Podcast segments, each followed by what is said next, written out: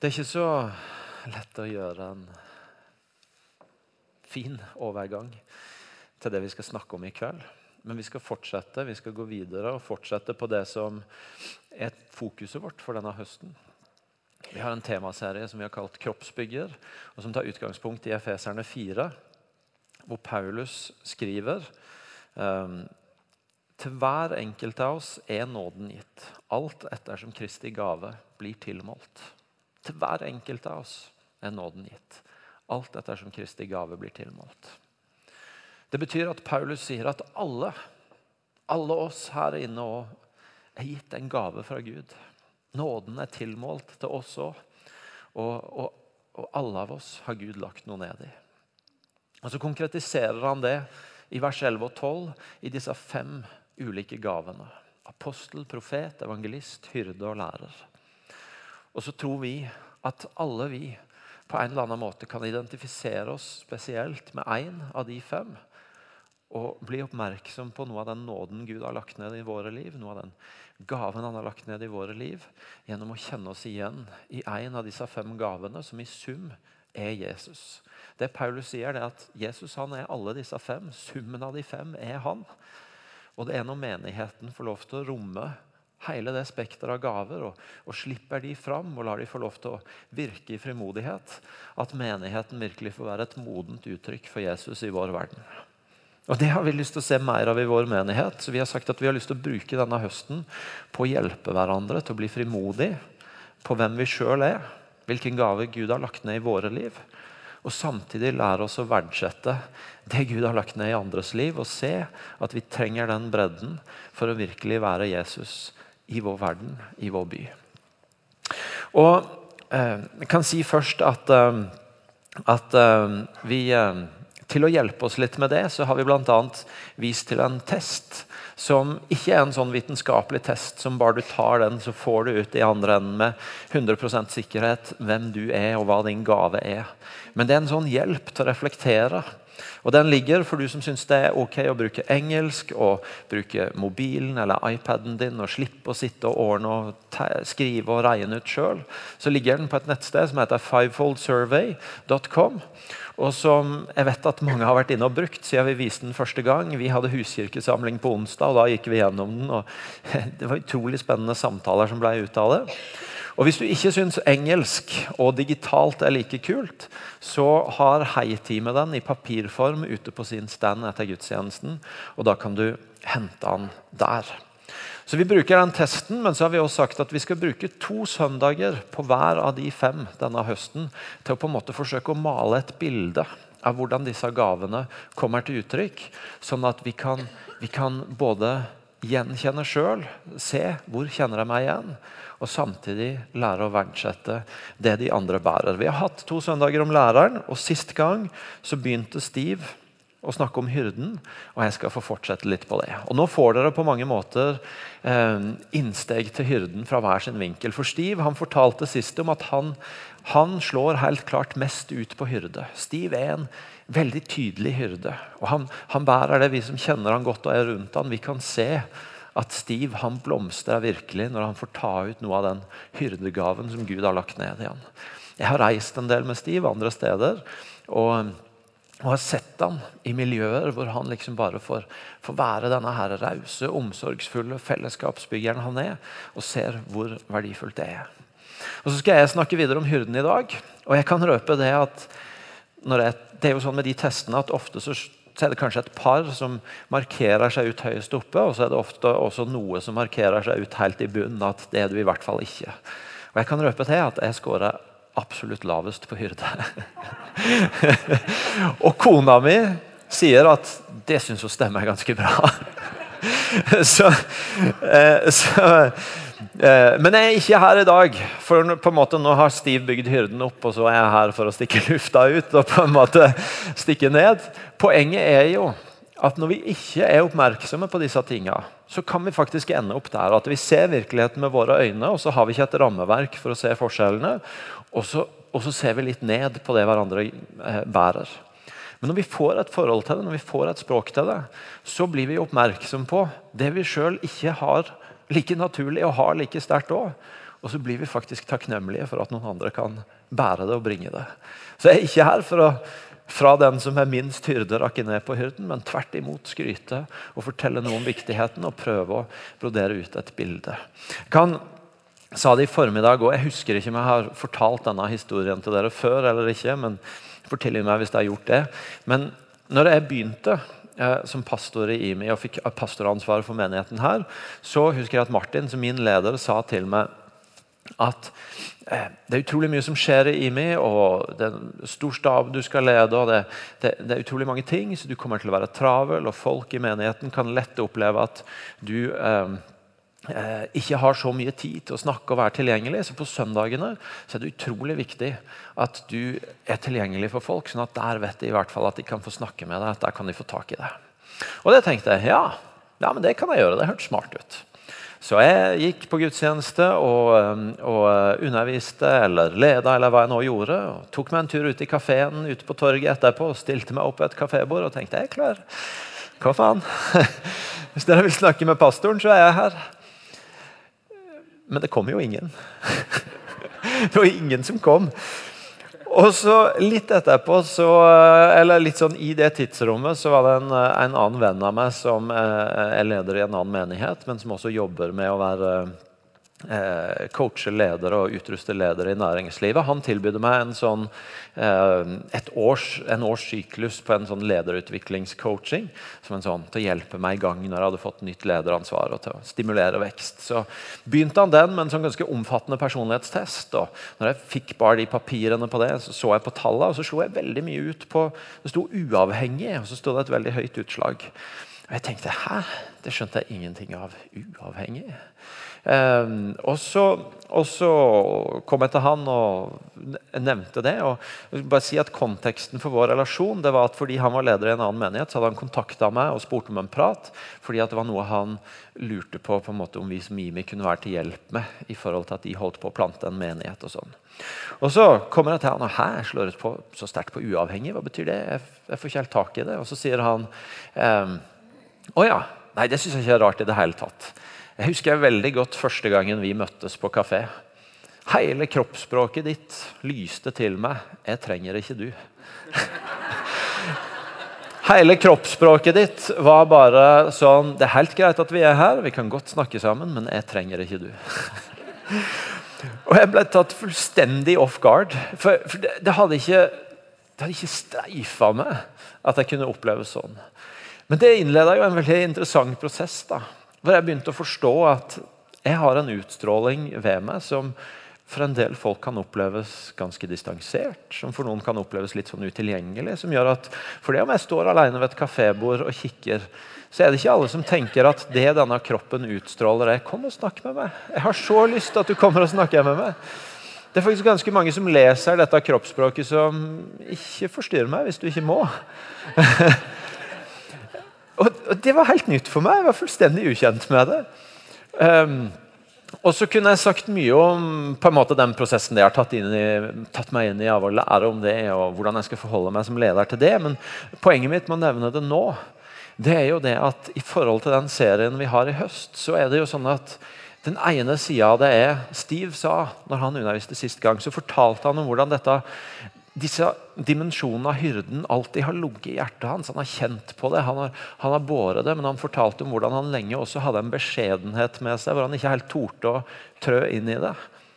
Men at når han skjønte hvem han var, når han fikk et språk for det, når han skjønte oi, her har jeg en gave fra Gud, så har han fått en frimodighet som gjør at han tør og på en måte komme ut og ta det rommet og, og, og gå i den gaven. Og Det er jo den ene sida av dette denne høsten og det vi jobber med. nemlig at Vi ønsker at mange flere skal få den opplevelsen Steve hadde. At ting en kanskje går og bærer i hjertet av, som Gud har lagt der, men som en er litt sånn tilbakeholden med, litt beskjeden på. At den frimodigheten som Steve har fått oppleve, at mange flere skal få oppleve den. Men så er jo den andre sida at for, for oss som og, det gjelder jo oss alle, for vi skal innom alle fem. Og Det betyr at alle av oss vil gjøre erfaring av at ja, det vi snakker om nå, det er nok i hvert fall ikke så høyt på. Så er det jo sånn at når vi får leve i et miljø hvor den gaven får spillerom, i dette tilfellet hyrden, får spillerom blant oss, så blir jo de av oss som ikke like naturlig bærer det med seg, tatt med litt i dragsuget. Fordi at vi får være rundt folk som bærer det. Og Det betyr jo at jeg, for det om jeg i utgangspunktet kan ha litt tungt for det på noen av de hyrdegreiene, så får jeg vokse inn i og bli dratt mer med på det fordi jeg får være rundt mennesker som bærer på det. Og Jeg kunne snudd det helt rundt med Steve. Steve er veldig tydelig hyrde. Det betyr at mye av dette her som, som, har det apostoliske ved seg, som vi skal snakke om senere i høst, om å brøyte nytt land, om å starte nye ting, om å gå videre, det er i utgangspunktet ikke stiv. Men det er få mennesker i IMI-staben som de siste åra har levd så apostolisk som Stiv. For han har vært med å starte Agenda 1 mange forskjellige steder i verden.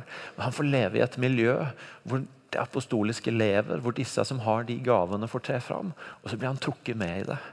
Og Det er den andre sida denne høsten. Å få være der hvor vi både blir frimodige eh, på det vi sjøl er, men vi også får verdsatt og blir trukket med i det som de andre bærer på. Det syns jeg er spennende. Stiv begynte sist å beskrive hyrden. og han ga tre hovedtrekk ved hyrden. Han snakka om at hyrden bringer omsorg og er, og er omsorgsfull. Han snakka om at hyrden er relasjonsorientert og etablerer fellesskap. En som er med på å sørge for at her, her er det fellesskap, og her fungerer fellesskap. Og Han snakka om hvordan hyrden har en utrolig viktig plass i det å disippelgjøre mennesker. Og Så skal jeg prøve å bruke noen minutter nå på å utfylle det bildet litt mer. Og Det første jeg har lyst til å snakke om ved hyrden, det er å si noe om at hyrden han kjemper for sine. Han kjemper fordi han har om du vil, under sine vinger eller sin beskyttelse. I Johannes 10, hvor Jesus sier at han er den gode hyrden, så sier han i Johannes 10, vers 11.: Jeg er den gode gjeteren. Den gode gjeteren gir livet sitt for sauene sine. Hyrde, gjeter, det var en ny oversettelse. Men han sier 'Jeg er den gode hyrden', og hyrden, den gode hyrden gir livet sitt for sauene sine. Han legger ganske mye på bordet for å kjempe for å beskytte sine. Og I Lukas 15 så er en av lignelsene Jesus bruker, hvor hyrden igjen er på banen, det er at han forteller om hyrden som, som har de 99 her, de han vet han har, de 99 sauene som er på plass. Og Så forteller han denne lignelsen om hvordan denne hyrden likevel er villig til å bryte opp og gå fra de han vet han har, for å finne den ene som han vet han har mista. En hyrde som er villig til å bryte opp, til å leite etter, til å oppsøke, til å finne noe som han vet er hans, men som han har mista.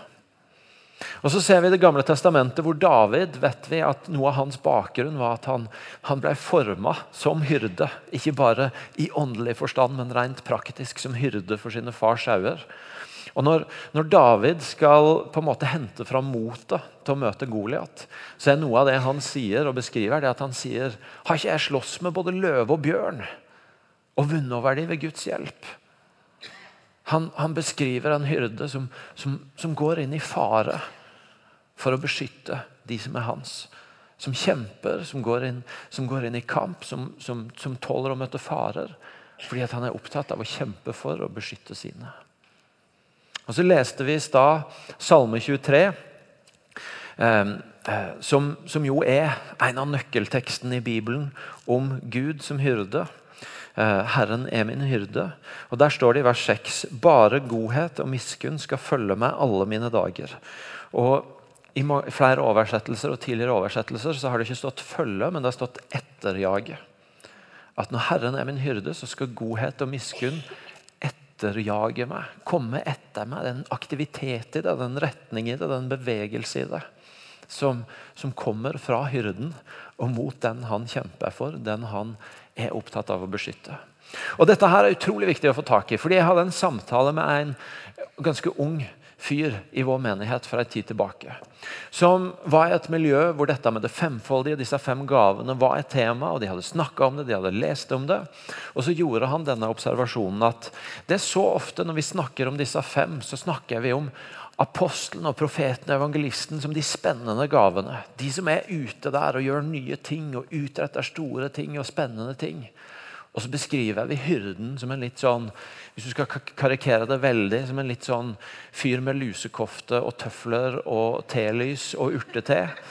Eh, som på en måte bare sitter og venter på, på, på å bry seg om noen.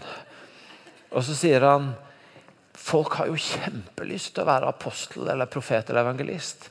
Men hvis du egentlig skjønner at du er hyrde, så har du jo nesten ikke lyst til å si det høyt engang. Og det er jo helt krise. Da har vi bomma skikkelig på bildene vi skaper av hvordan hyrden ser ut. Fordi hyrden det er jo ikke sånn at apostelen og profeten og evangelisten er der ute og kjemper for Guds rike, mens hyrden sitter hjemme med telyset av urteteen sin og venter på at, at, noen skal komme og trenge en samtale eller litt trøst eller en arm rundt skuldra. Hyrden er jo ute og kjemper. Det er bare at de kjemper på forskjellige måter. Men hyrden kjemper for sine. Hans godhet og miskunn skal etterjage dem. Han, han fighter med løve og bjørn for å beskytte de han har bak. Han bryter opp fra de 99 fordi han er nødt til å finne den ene. Hyrdens omsorg er ikke en sånn passiv dott-greie. Hyrdens omsorg, omsorg er, pass, er, aktiv. Den er etterjagende. Den er villig til å kjempe. Den er villig til å legge livet sitt på bordet for sine. Og jeg vet når jeg ser noen av de hyrdene som, som er ganske tydelige hyrder som jeg har rundt meg. Og jeg ser at når noen kommer under de sine vinger og går gjennom vanskelige ting, så ser jeg at da, du, da, da er du ganske godt rusta. Når du havner under vingene til en hyrde og så møter livet deg med noe. Fordi de er villige til å gjøre ganske mye. altså. Det er døgntilgjengelighet, og det er fight i bønn, og det er et hjerte som, som, som virkelig bare er utapå skjorta. fordi at nå er det noen jeg må stå opp for. Hyrden kjemper for sine. En etterjagende, oppsøkende godhet som ethvert fellesskap og enhver menighet trenger. Hvis vi virkelig skal, skal få være et fellesskap som, som som går med folk, og som kjemper med folk gjennom det livet har å by på.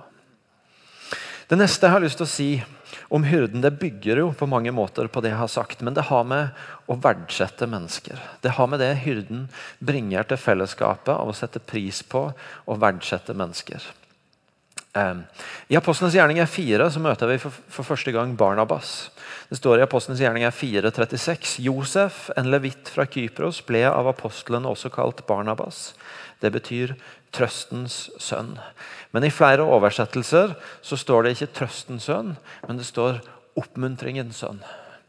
Barnabas som en oppmuntrer, som en som løfter opp, som en som, en som vil ha folk fram. Og I Apostlenes gjerninger 9 så møter vi eh, Barnabas igjen. Da har Saulus, kristendomsforfølgeren, fått denne her utrolige møtet med Jesus på veien sin til Damaskus. Og Han har hatt sin omvendelse. og Han har Paul, gått fra Saulus til Paulus. Han har gått fra Jesus, etterfølger til Jesus, nei, Jesus forfølger til Jesus etterfølger. Passe seg når en skal prøve å lage sånne kule ordspill, for da kan det gå helt i ball. um, og så, um, og, og, så kommer han, så leser vi i Apostelens gjerninger 9 om at han kommer til Jerusalem. Og så, eller Vi kan lese det først. Apostelens gjerninger 9, 26. Da han kom til Jerusalem, forsøkte han å komme inn blant disiplene. Men alle var redd han og trodde ikke han var noen disippel. Barnabas tok han da med seg til apostlene. Han fortalte dem hvordan Paulus på veien hadde sett Herren, som hadde talt til han, og hvordan han i Damaskus hadde forkynt frimodig i Jesu navn. Etter dette gikk han inn og ut hos de i Jerusalem og forkynte fritt og åpent i Herrens navn. De andre de er redd for Paulus. De De tør ikke å tro at han er en de kan feste lit til, for de vet at han har vært en forfølger. Men Barnabas, oppmuntringens sønn, han er en som ser hvem Paulus nå er, og som åpner døra for han og løfter han opp, sånn at han går fra å egentlig ikke slippe inn noen steder, til at det står at han nå gikk fritt inn og ut hos de i Jerusalem og forkynte fritt og åpent i Herrens navn. Barnabas har en rolle av å se det de andre ikke så i Paulus. Av å muntre han opp, av å løfte han opp, av å se Paulus sin tjeneste begynne å blomstre og komme fram som den han er. Jesus hadde sine tolv disipler. Jesus var, ble kalt en rabbi, en lærer. og Han var ikke den eneste rabbien på sin tid. Det var mange rabbier på Jesu tid. Og De valgte vanligvis ut de beste av de beste. Det var en kamp om å være de beste av de beste som fikk en av disse plassene som disippel av en rabbi. Og så er det god grunn til å tro at de Jesus valgte seg ut, det var disse her som ingen andre hadde valgt. De som ikke ble valgt ut, og som hadde vendt hjem til familien sin og, og blitt en del av yrket til familien sin, enten det nå var fisker eller, eller, hva det var. Og Så kommer Jesus, og så velger han ikke blant de beste av de beste. Men hyrden Jesus velger blant de som ikke noen andre har valgt. Og Så tar han tak i de, og så løfter han de opp. Og så skaper han noen som er med på å forvandle verden, selv om de egentlig ikke var blitt valgt ut av noen andre. Og Det er noe av det en hyrde gjør. En hyrde ser gullet, ser verdien i mennesker og er opptatt av å løfte opp, av å åpne dører, av å se folk blomstre. En hyrde har sin glede i å se at noen av de som er rundt, får lov til å komme opp og blomstre. Jeg husker Sist vinter så, vi, så, så var Mike Pilavacci her. Han har hatt en kjempeviktig rolle i Impuls. Han var og talte på Impuls. og På mandagen så hadde vi en lederdag hvor Thomas Wilhelmsen, som leder Akta lovsang og jobber i Impuls, han, hadde, han satt og intervjua Mike. Og så, fordi Vi har kjent Mike lenge. Mike var med på se Impuls starta for 20 år siden. Og så har vi på en måte vært på, på kortere og lengre distanse fra han i disse 20 åra. Men, men, noe av det vi har sett, er hvordan rundt Mike så bare blomstrer det opp ledere. Jeg vet ikke om Mike vil forstå seg sjøl som en hyrde. Men, åpen, men, men, i det jeg skal si nå, så kommuniserer han i hvert fall noe av en hyrdes hjerte. Når, når, og, og Thomas sier at og Thomas bare adresserte det at Vi har liksom sett hvordan så mange lovsangsledere har poppa opp rundt Mike. Matt Redman og Tim Hughes og andre som, som har levert sanger til hele, hele kirka i, i, store deler av verden. Og andre ledere, kristne ledere, menighetsledere som de har på en måte bare poppa opp rundt Mike. Og Thomas spurte han om det. Hvordan skjer det? og Hva kommer det av? Så sier, eh, og så sier jeg Mike, er ikke en lederskapsfabrikk. Eller er ikke en lederfabrikk. Jeg er bare en som prøver å bry meg om de menneskene rundt meg. Som prøver å elske de fram. Og Så fortalte han en historie om en gang han hadde vært på en lederkonferanse. Hvor, hvor han hadde hørt en, en, en pastor eh, fra en stor menighet i USA som hadde som, som, som, hadde liksom masse folk, og som hadde undervist disse Det var primært kirkeledere fra England. Hadde undervist de om hvordan, eh, hvordan de skulle se menigheten kunne vokse og kanskje komme til det, den størrelsen og det omfanget som hans menighet var i. Og så hadde han sagt dere må, dere må bare ansette de beste folka. Sørg for å gi dem den beste lønna, sånn at de kommer til dere og ansetter de beste folka. Og så vil dere se at det vokser. Og så sier jeg Mike i nesten en litt sånn hellig vrede. Og Dette står han og sier til de folka som kanskje har 20 mennesker og en hund i menigheten sin. Og som Du skal huske på det, du som står der og snakker, at det er disse folka som jobber steinhardt for at du skal få lov til å ansette de beste folka. Det er disse folka som fostrer de. Og så I det så målbærer bare Mike noe av dette her hyrdehjertet av at vi, vi, vi går med de vi har. Og drømmen er å se de vi har, blomstre. Løfte de opp, se gull i de, se verdien i de. Løfte de opp, åpne dørene for de, se de blomstre. Martin, som eh, Helle Nå har ikke jeg sett resultatene på hans test, men jeg, jeg tror i hvert fall ikke Hyrde kommer øverst. Så skal jeg ikke si at det kommer lavest, men jeg, jeg tror ikke det er på øvre halvdel. Eh, men han men, Nå tuller jeg litt. Martin har veldig mye hyrde med seg, men det er fordi, fordi han er en utrolig moden mann som, som, du kan finne igjen så mye av Jesus i. Så jeg mener ikke å disse han. Jeg har en enorm anerkjennelse for han. Men, men eh, Han er ikke en typisk hyrde, men han òg sier mye for tida noe som, eh, som har mye av hyrdehjertet i seg. Når han sier Jesus så ikke etter ledere, Jesus så etter mennesker. Og så våga han å være nær de lenge nok til, til at det blei det det blei av dem. Og det er noe av hyrdehjertet. For å være i fotballspråket så er det eh, så er det sånn at Hyrden er ikke så utrolig interessert i kjøperlag. Han syns det er mye kulere med hjemmefostra spillere. Han syns det er mye kulere å se at de en har rundt seg, får blomstre og vokse opp, enn å bare hente inn stjerner utafra for å ha de beste folka. Det er noe av dette hyrdehjertet av, av å verdsette folk. Men så er det også kanskje der at spenningen kommer opp. Fordi at i et hyrdehjerte så er mennesker verdifulle fordi de er verdifulle.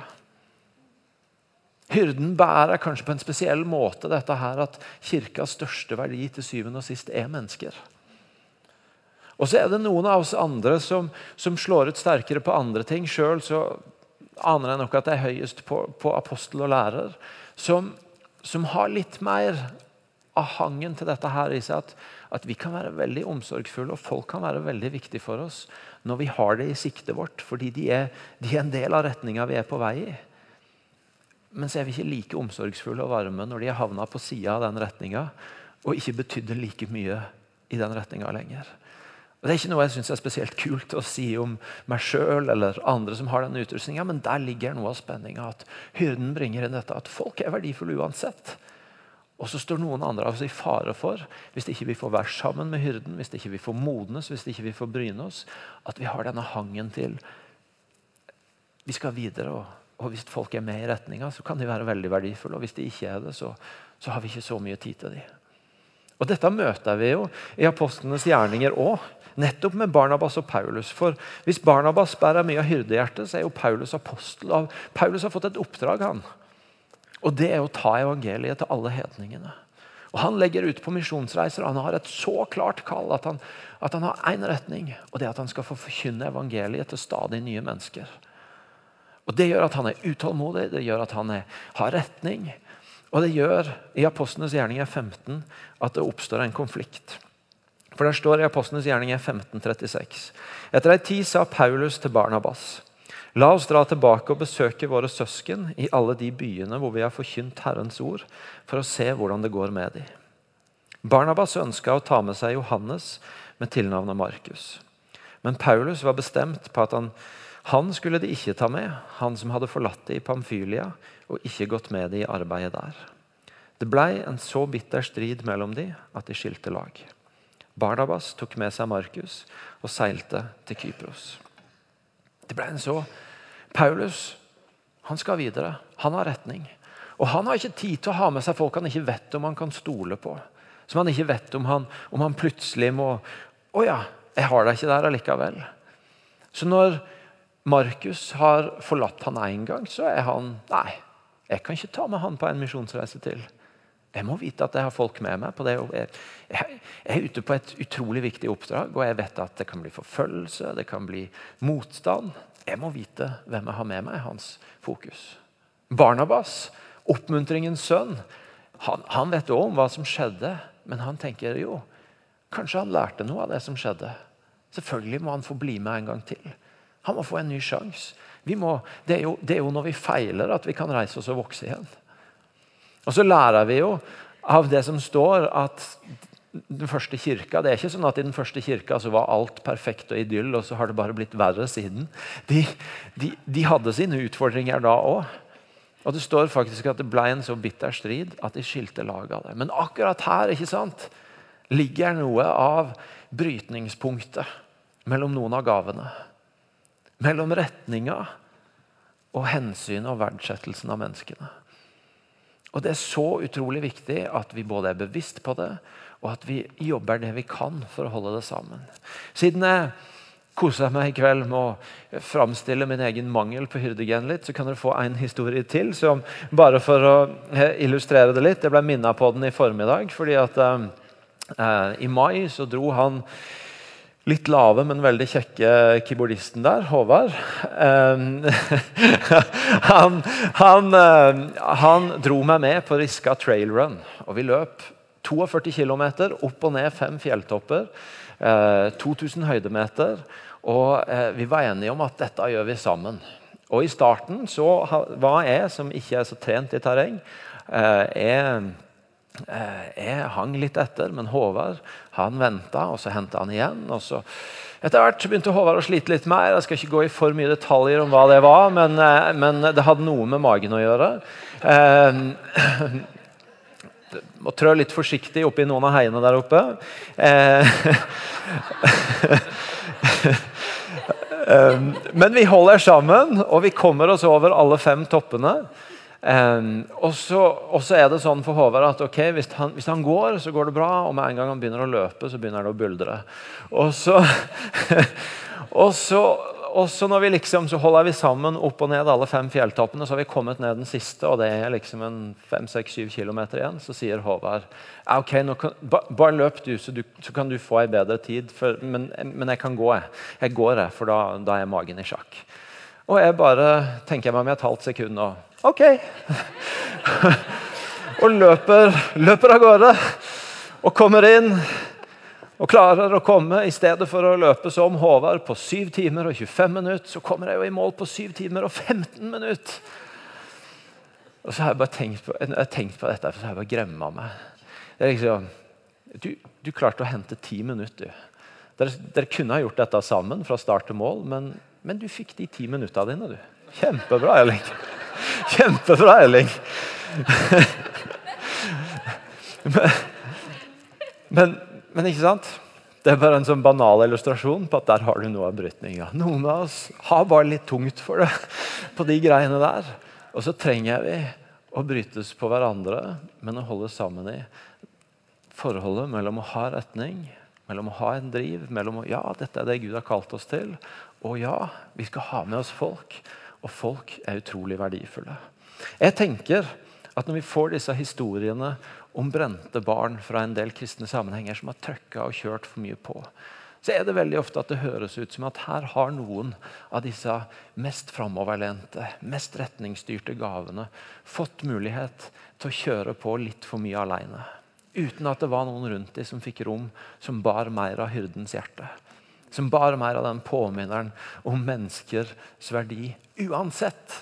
Ikke bare når de passer inn i retninga.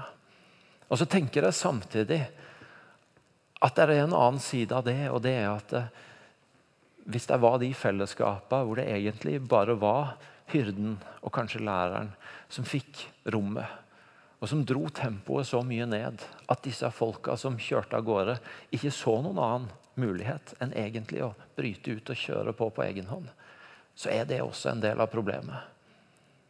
Og det er litt sånn, Hvis, hvis vi etablerte noen ganger opplever at folk, folk går fra oss og går til noen retninger som vi tenker ah, er det der så sunt. da? Så, så må vi også spørre oss sjøl ja, hva er det hos oss som gjør at de føler behov for å gå dit. Hva er det av den lengselen og den uroen de har lagt ned i seg, som gjør at de føler at de er nødt til å dra i en retning som vi lurer på ah, er det der helt sunt. Og Derfor så er det, selv om det er så vanskelig at til og med Paulus og Barnabas fikk en strid som gjorde at de skiltes, så er det så viktig at vi får disse her tinga til å henge sammen. Hyrden som bringer dette av å verdsette mennesket. Det siste jeg har lyst til å si i kveld, det handler bare om at hyrden utvider eh, hva et fellesskap er, og hvordan et fellesskap ser ut. Tilbake i Johannes 10 og denne teksten hvor Jesus sier at han er den gode hyrde, så sier han i vers 16.: Jeg har også andre sauer som ikke hører til denne flokken. Også de må jeg lede. De skal høre min stemme, og det skal bli én flokk og én gjeter.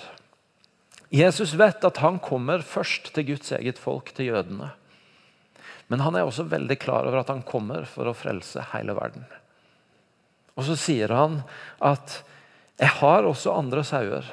Altså andre sauer enn de han først kom til, Guds eget folk som ikke hører til denne flokken. Også de må jeg lede, og de skal høre min stemme. Og det skal bli én flokk og én gjeter.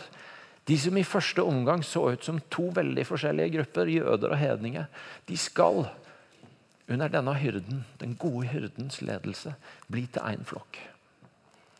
Og Det tror jeg er noe av det en hyrde bringer til fellesskapet. Det er at det kristne fellesskapet, Idealet for det kristne fellesskapet det er en bredde av folk. Det er et mangfold av hvem som bringes sammen til én flokk. Det er en forskjell på kjemi og fellesskap, sånn som det kommer fram i Bibelen. Kjemi det er en forskjell på det at jeg og du styrer mot de folka vi har kjemi med og naturlig trekkes mot, og, og, og former en gjeng av de som de som er interessert i det samme, de som ler av det samme, de som har noenlunde samme økonomi og livsstatus og, eh, og, og, alle sånne ting. Så, og så, velger vi å gå tett med de og forme et fellesskap rundt de. Det er en forskjell på det. Og på å komme inn i et fellesskap hvor du ikke bare bekjenner deg til som en del av de som skjønner vitsene dine og går med de samme klærne som deg og har de samme problemstillingene i livet og den samme økonomiske handlekraften som deg, men hvor du også faktisk kjenner deg dypt tilknytta de menneskene som, som, du egentlig må jobbe litt for å forstå. Og som egentlig ikke alltid tar poengene dine eller vitsene dine, eller som har helt andre innsteg til hva, hva, som er problemstillinger og hva som er viktig, men som du faktisk er bundet sammen med fordi det er noe annet enn kjemi som binder sammen. Det er noe dypere. Det har noe med hvem en tror på, hva han har gjort for oss, og, og hvordan det setter retning for livet. Og det fellesskapet Jesus snakker om når Jesus snakker om at det er på kjærligheten vi har til hverandre, at verden skal tro, se og tro. Det tror ikke jeg er et fellesskap som bare handler om kjemi. Men det er dette radikale, breie fellesskapet hvor så mange forskjellige typer har funnet sammen i en felles kjærlighet til Han som har frelst oss. Og jeg tror Noe av det hyrden gjør, det er å bringe det å, det å bringe det fellesskapet. For noe av det som trengs hvis du skal se et sånt fellesskap vokse fram, det er nåde. Hvis vi, skal, hvis vi skal, klare et fellesskap hvor vi, hvor vi, tåler forskjelligheten, hvor vi tåler et mangfold, hvor vi, hvor vi ikke bare er like, så må vi også ha en nåde i bunnen. Der står om Gud at han er sein til vrede og rik på miskunn.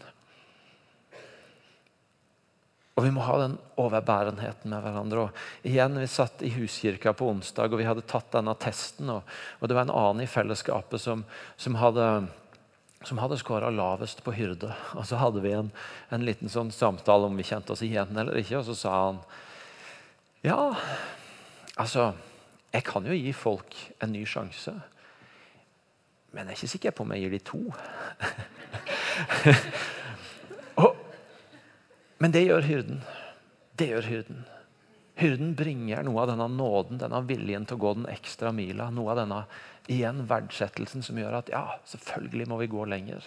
Som gjør at dette radikale fellesskapet får rom.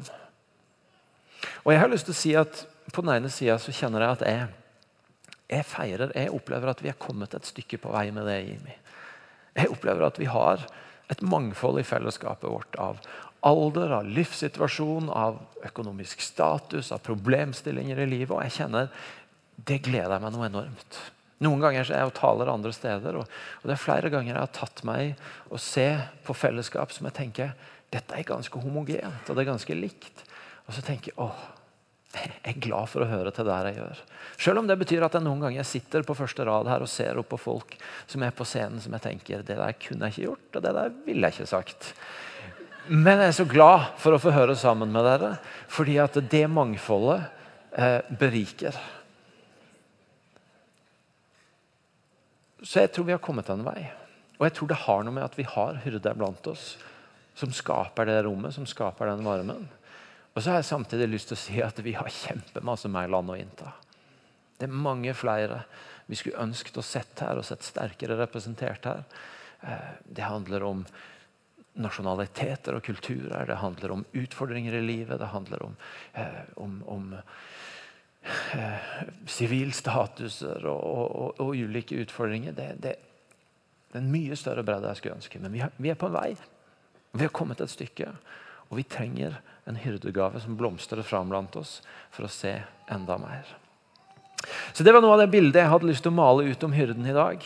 En som kjemper for sine, en som verdsetter mennesker, og en som er med på å sette opp et fellesskap som ikke bare er bundet sammen av kjemi og likhet og homogenitet, men av annerledeshet og bredde og bundet sammen av noe dypere og av en nåde som søker på tvers av linjer andre har.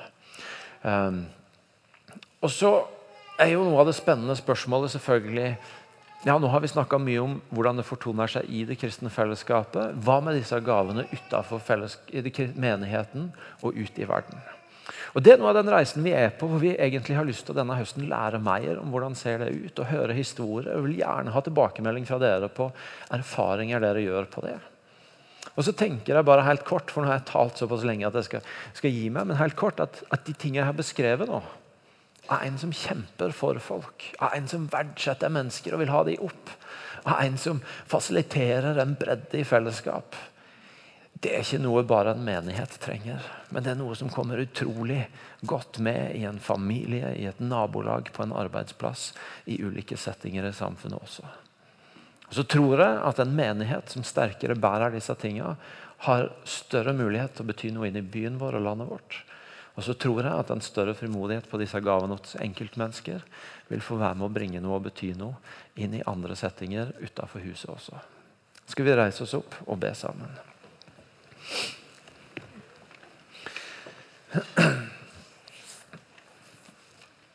Jesus, jeg har uh, bare lyst til å takke deg for den du er, og for at du er den gode hyrde. Som kjemper for dine. Og som ikke nøyer deg med å velge ut de beste av de beste, men som er så begeistra for å elske fram de menneskene du ser, og se de blomstre. Og som tar oss inn i, i en verden med så mye polarisering og så mye eh, greier av å stå og rope på hver sin kant til hverandre, så tar du oss inn i en modell av dette radikale fellesskapet hvor forskjeller finner sammen. Og hvor det er nåde til å holde ut med hverandre for det om ikke kjemien er det første som slår oss. Jeg har bare lyst til å si at det trenger vi. Det trenger vår by, det trenger vår verden og det trenger vår menighet. Og Jeg ber deg om at du skal forløse enda mer av det inn i vår menighet. At, at vi skal få lov til å se enda flere med den nåden stige fram. Og tre fram og ta det rommet med frimodighet. Og vokse også i modenhet i sin utøvelse av den nåden og den gaven du har lagt ned i dem. Sånn at vi ikke bare får slagsidene til hyrden, men vi får det modne uttrykket av hyrden. Som klarer å se dette sammen med de andre gavene. Jeg ber deg om Jesus. Og så har Jeg lyst til, jeg sier som jeg sa når jeg snakka om læreren, at jeg skjønner hvis det er litt vanskelig når jeg har stått og malt opp Jesus som modellen, og så bare sier ja, det er med, det, det er med du snakker om der. Akkurat sånn det er. Fordi at jeg legger lista litt høyt. Men jeg har lyst til å likevel be deg, hvis du kjenner at ja, her er det mitt hjerte banker i takt. Det er ikke sikkert jeg er helt Jesus ennå. Det er ingen av oss. Men, men dette er det jeg merker at her, her, her, banker jeg mitt hjerte. Her har Jesus lagt ned noe i mitt liv. Så Jeg har bare lyst til å be deg om å rekke han i været, så jeg har lyst til å be spesielt for du. Både om frimodighet og om vekst i den gaven som Gud har lagt ned i deg. Så få ei frimodig hånd i været hvis du kjenner igjen at dette har med du å gjøre. Og det er nydelig å se, for det er mange hender og Det er en velsignelse for alle oss andre som ikke holder handa i været nå, men som kan bli berika og som kan bli tatt med i dragsuget av disse folka som nå står og sier dette er noe av det jeg bærer på. Så jeg ber deg, Jesus, jeg takker deg for disse menneskene. Og jeg takker deg for at du har satt det i vår menighet, og for den verdien de bringer inn i vår menighet. Og så ber jeg deg om at dette skal få være et punkt for å bare ta rommet med større frimodighet og for å, for å, ha en sesong av å både komme ut av sjenanse og inn i frimodighet, men også av å se vekst og modning i hvordan de får leve i den gaven du har lagt ned i dem. Jeg ber deg om at du taler til dem direkte, jeg ber deg om at du gir dem oppmuntringer og vekstmuligheter fra andre. Og jeg ber deg om at du hjelper oss som menighet til å verdsette dem og gi rom til dem, sånn at de kan få være med og forme et fullvoksent uttrykk av hvem du er i denne verden. Hvis vi skal se det, så trenger vi disse. Så jeg takker deg for dem, og jeg ber deg om å velsigne dem. Kom, Hellige Ånd, og fyll dem opp. Amen.